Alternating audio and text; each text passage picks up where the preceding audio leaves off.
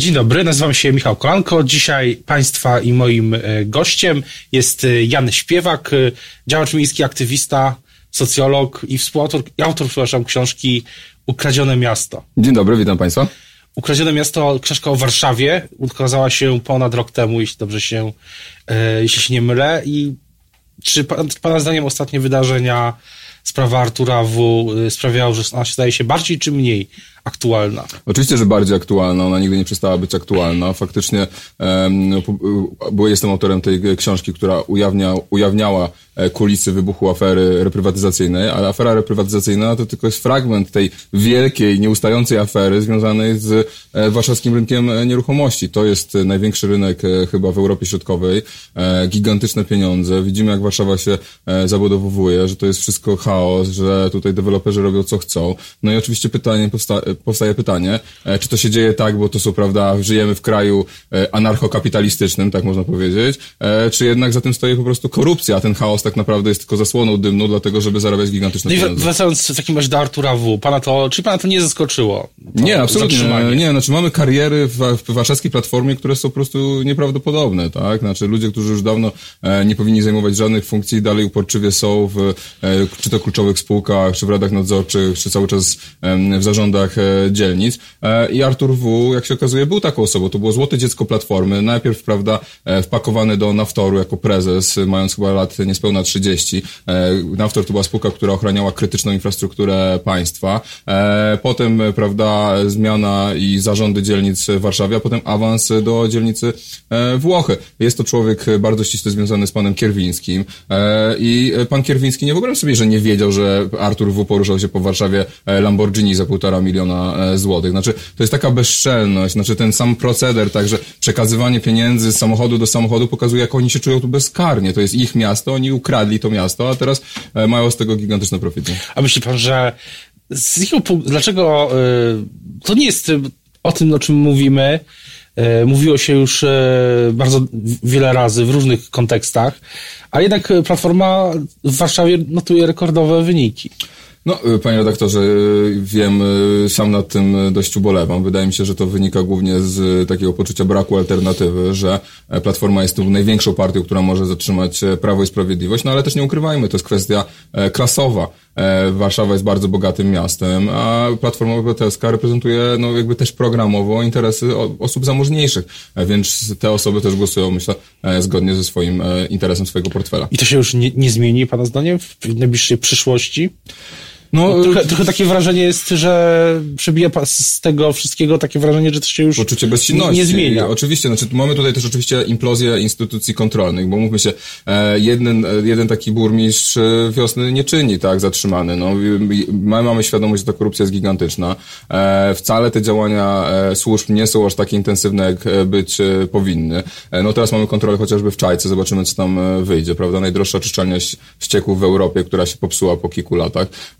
I, ale, ale faktycznie jest takie wrażenie, że platforma jest zabetonowana w stolicy i myślę, że dopóki e, sama platforma jakby na poziomie ogólnokrajowym nie, do, nie, nie dojdzie do pewnej dekompozycji tej formacji, no to myślę, że w Warszawie też będzie się trzymać dość. Ale z drugiej strony, jeśli chodzi o zarząd Platformy, to decyzja rzeczywiście była dość e, szybka i jednoznaczna, jeśli chodzi o pana No tak, ale tutaj by trzeba by zdecydowanie bardziej stanowczych działań. No, dlaczego są cały czas wydawane warunki zabudowy w Warszawie? Dlaczego miasto nie, nie uchwala planów zagospodarowania? Znaczy Rafał Trzaskowski jest absolutnie bezsilny, tak? Znaczy on, od niego nic w Warszawie nie zależy, myślę. Po, Kto rządzi w Warszawie? Rządzi Marcin Kierwiński, to jest e, oczywiste, to jest osoba, która ma e, ksywkę nad prezydent i to on jest odpowiedzialny za te e, wszystkie rzeczy i to on powinien ponieść konsekwencje polityczne, ale widać, że Rafał Trzaskowski nie ma takiego, nie ma po prostu narzędzi do tego, żeby decydować o tym, co się dzieje w stolicy No ja jest, aż mu współczuję, bo jest po prostu zakładnikiem e, Kierwińskiego. Ja bym nikomu tego nie życzył, naprawdę. Ale z drugiej strony no, Rafał Trzaskowski ostatnio ma serię inicjatyw dotyczących e, zarówno na przykład nie wiem, smogu, jak i na przykład bezpieczeństwa na ruchu, no, ruchu drogowego. Działania bardzo spóźnione i bardzo też ograniczone. No już na przykład Kraków jest dużo dalej w tym, Jaworzno jest dużo dalej.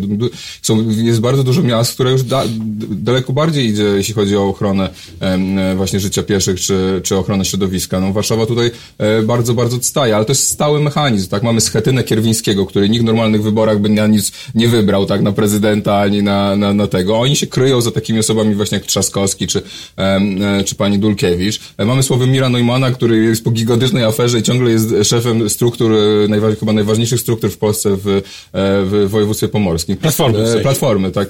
No jakby widać, że po prostu te, te ci da, dziadersi platformiani, tak, skrywają się za tymi twarzami, miłymi społecznymi twarzami właśnie tego typu jak Trzaskowski, ale Trzaskowski żadnej władzy nie ma i myślę, że trochę mu współczuję. Dziaders, co to znaczy? Bo myślę, że, że widzowie mogą y, mieć... Y, to są osoby mentalnie, mentalnie, podkreślam, mentalnie stare, osoby, które są, y, myślą kategoriami z lat 90., e, tłuste kocury właśnie, które, którym nic się nie chce, nic nie potrafią, ale ciągle jakoś nie wiadomo czemu utrzymują się u władzy. Czyli Platforma Partia, tak jak pan powiedział... To jest part- w tym momencie też partia i, i bogatych, i, i ludzi bogatych. I lub. E, I lub, no, ale rządzona jest przez dziadersów. A jednak ma 27%. To o czym No tak, ale z drugiej strony jakbyśmy dodali te wszystkie wyniki poprzednie, no to e, też e, tutaj mamy spadek przynajmniej o 5-6 punktów procentowych, zależy jak liczyć z zielonymi, prawda, i nowoczesną. Ale tak jak mówię, no Platforma zajmuje to e, jakby miejsce na scenie politycznej jako największa siła antypis i ludzie głosują na Platformę, bo jest antypisem. No, ona jest trochę zbyt, zbyt wielka, żeby upaść, trochę jak banki, prawda? Były zbyt wielkie, żeby upaść, więc je społeczeństwo wykupiło przed bankructwem. A, a czy tak powinno być? No moim zdaniem nie, no powinny te banki raczej upaść, a ich prezesi powinni być wysłani do więzienia. W przypadku Platformy oczywiście nie wiem, czy się powinno skończyć wysłaniem do więzienia, ale na pewno na emeryturę. No. A właśnie, skoro już e, o tym w jakimś sensie mowa, e, chyba 13 grudnia jest kolejna odsłona pana, jednego z pana procesów, e, poprzednia rozprawa w ubiegłym tygodniu była organizowana pod y, hasłem śpiewak nie do więzienia. Tak. Kolejna będzie też w tym stylu. Słyszałem 13 grudnia e, pres komuną, śpiewak górą, taką już słyszałem przyśpiewkę. E, zobaczymy, czy będzie wyrok. Być może 13 grudnia faktycznie to jest sprawa z panią córką Zbigniewa Ćwiąkalskiego, zresztą, która chyba była, w, nie wiem czy w tym programie, ale wam pewno w waszym studiu tłumaczyła się z tego, więc jest to osoba aktywna medialnie, która pozwała mnie z, z 212 kodeksu karnego. No i próbuję, teraz mi przy 15 tysięcy złotych grzywny dostałem w pierwszej instancji, ona się odwołała, oczywiście ja się też odwołałem, tylko że ona teraz oprócz tych grzywien to jeszcze chce, żebym na trzy miesiące trafił do więzienia w, zawias, w zawiasach na rok. No myślę, że to pokazuje jak... Grzywny pan, a zapłaciłby grzywny, jeśli taki będzie? Ja już zadeklarowałem, że tej grzywny nie zamierzam zapłacić, to jest moje obywatelskie nieposłuszeństwo, ale nawet jeśli sąd drugiej instancji mnie skaże, to będziemy iść do Sądu Najwyższego, być może będziemy rozważać kwestię też nawet yy, ułaskawienia u pana prezydenta Dudy, a na pewno będziemy rozpatrywać yy, Europejskie Trybunał. Ale też yy, było bardzo wielu ludzi, którzy przyszli na tą rozprawę, żeby pana wspierać w mediach społecznościowych, też było wiele o tym, była też o tym, o tym mowa.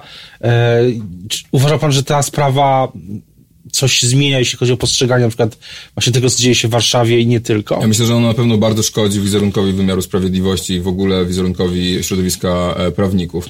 E, mamy do czynienia z zamachem środowiska prawników na wolność słowa i na e, prawo do dopuszczalnej krytyki. Opinia, my jako obywatele, ja jako aktywista, jako dzisiaj też publicysta tygodnika wprost, widzę, że jedyną linią obrony, jaką my mamy przy tym, co się dzieje w naszym mieście, przed niszczeniem zabytków, przed tym deweloperskim bezchołowiem, które panuje po prostu i które robi co chce, e, jest właśnie słowo, jest krytyka, jest odwoływanie się do opinii publicznej. I to nam chcą zabrać. I to chcą nam zabrać sądy, i to chcą nam zabrać prawnicy tego typu jak Zbigniew Ciąkalski, który chodzi po mediach i e, ubiera się w piórka obrońcy demokracji. To są zachowania autorytarne, to są zachowania przemocowe i mam nadzieję, że jednak sąd apelacyjny tutaj e, mnie e, uniewinni. To jest 13 e, grudnia, ale zmieniając na chwilę e, temat i wracając trochę do tej wielkiej ogólnokrajowej polityki, jak pan sądzi, kogo lewica powinna powinna, kogo wystawi na prezydenta.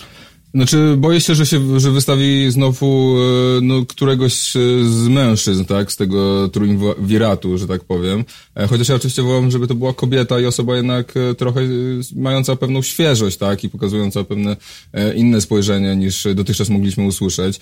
Myślę, że ludzie są trochę zmęczeni tymi osobami, które widzą cały czas w telewizji. No i też pytanie oczywiście, no ta koalicja z SLD, no z, prawda, z jednej strony mamy Razem, które jest jednak socjaldemokratyczne, mamy Wiosnę, która jest e, neoliberalna pod wieloma względami e, i mamy SLD, które jest nie wiadomo jakie, ale raczej e, sądząc po tym, co robiło w przeszłości, też jest raczej na prawo i bardziej neoliberalne niż lewicowe. E, no i to jest pewien, e, jak to nazwa e, pani profesor Jacyna, kotopies, tak? Znaczy, czy sta się z tych trzech części złożyć coś, co ma sens i co faktycznie zaprezentuje... Ale wyborcy, wyborcy wycenili ten, tą koncepcję na 13, 12%. No i to jest, oczywiście, to jest oczywiście minimum, które musi zrobić kandydat na prezydenta. No i pytanie oczywiście, jeśli się uda, no to rozumiem, że albo jest, musi wybrać lewica strategiczny wybór, który moim zdaniem już podjęła. Albo walczy o wyborców Platformy, albo walczy o wyborcę ludowego, tak? E, tego z mniejszych miast, miast trochę gorzej sytuowanego. I wydaje mi się, że lewica już dawno wybrała. Oni chcą iść po wyborców wielkomiejskich, po wyborców, którzy zarabiają duże pieniądze, e, którzy mają e, liberalne poglądy, jeśli chodzi o światopogląd, ale są e, konserwatywni, jeśli chodzi o gospodarkę. E, I wydaje mi się, że ta kampania to będzie zdecyduje o tym właśnie obrazie. Czy lewica będzie lewicą, czy będzie jednak e, neolib neoliberalną lewicą, takiego nazwijmy. Czyli e, kandydatka, a nie kandydat. Ja jestem absolutnie za kandydatką. Myślę, że są ciekawe postacie w, w lewicy, na lewicy, które mogłyby takimi kandydatkami być i, i liczę na to, że jednak e, będziemy mieć, szczególnie jeśli będzie, prawda, Kosiniak-Kamysz, e, du, du, prezydent Duda, prawdopodobnie kandydat też męski, męski z Koalicji Obywatelskiej. No fajnie by było, gdyby chociaż była jedna kobieta w tym wyścigu. Ale też nie uważa pan, że w tym DNA tego, jak pan to elegancko powiedział, kotopsa, jest e, w tym DNA mimo wszystko tkwi e, pamięć o tym, co stało się ostatnim razem, kiedy jedno z tworzących to, tego kotopsa ugrupowań stworzy, postawiło na kobietę. Mówi pan o Barbarze Nowackiej czy o, o, o Magdalenie Ogórek? Ogórek? Tak. No myślę, że jednak e, Magdalena Ogórek, no to jest... Jakby to powiedzieć, no, znaczy ja myślę, że nie powinniśmy tego zapominać Leszkowi Millerowi, tak? Jednak, e, i to też pokazuje pewną e, miałkość tej formacji, jaką jest Sojusz Lewicy Demokratycznej, że taka osoba mogła być e, kandydatką, ale wydaje mi się, że jednak e, takie pomyłki, do takiej pomyłki już nie dojdzie i myślę, że to nie jest tak, że kobieta, że kolejna kobieta tutaj byłaby, by musiałaby iść w jej ślady, równie dobrze mężczyzna może iść w jej ślady. Mówię, mówię o tym, bo takie rzeczy, y, tą kandydaturę... Myślę, że Robert Biedroń jest dużo bardziej podobny do Magdaleny Ogórek niż chociażby, nie wiem, ktokolwiek z kobiet, którym przychodzą do głowy. Ale też mówię o tym, bo pamiętam w ubiegłym tygodniu w Radio Tok FM był dr Maciej Gdula, nowo wybrany poseł Lewicy. I on właśnie y, wspomniał nagle o, o tej kandydaturze Magdaleny Ogórek i e, stąd też moje dzisiejsze pytanie. Ale co, że jakby że nie rozumiem, że, no, że kobieta właśnie... grozi tym, że nas skompromituje, no brzmi to dość seksistowsko. Nie wiem, jak brzmiała wypowiedź Gduli. Nie, ale... nie, nie, nie brzmiała, nie brzmiała w ten sposób, tylko przypomniał, e, przypomniał o tym niepowodzeniu tego projektu mm. wtedy, no tak, w 2014-2015 no. roku. No wydaje mi się, że to powinna być po prostu nowa osoba, która już się sprawdziła, e, na, czy to na polu politycznym, czy na polu aktywności społecznej. Myślę, że jest mało czasu oczywiście, tak, i z każdym tygodniem ta sytuacja lewicy i, opozycji będzie trudniejsza. A myśli pan, że e, ta sytuacja przez deklarację Władysława Kośniaka-Kamysza e, robi się właśnie trudniejsza? Czasu jest rzeczywiście mniej dla lewicy? Myślę, że lewica, oczywiście, lewica, przynajmniej wiadomo, że lewica coś chodzi, tak? Y, można się z tym nie zgadzać, można tam, prawda, uważać, że to za dużo czasu spędzają na tych y, końcówkach żeńskich i tak dalej, ale o coś im chodzi.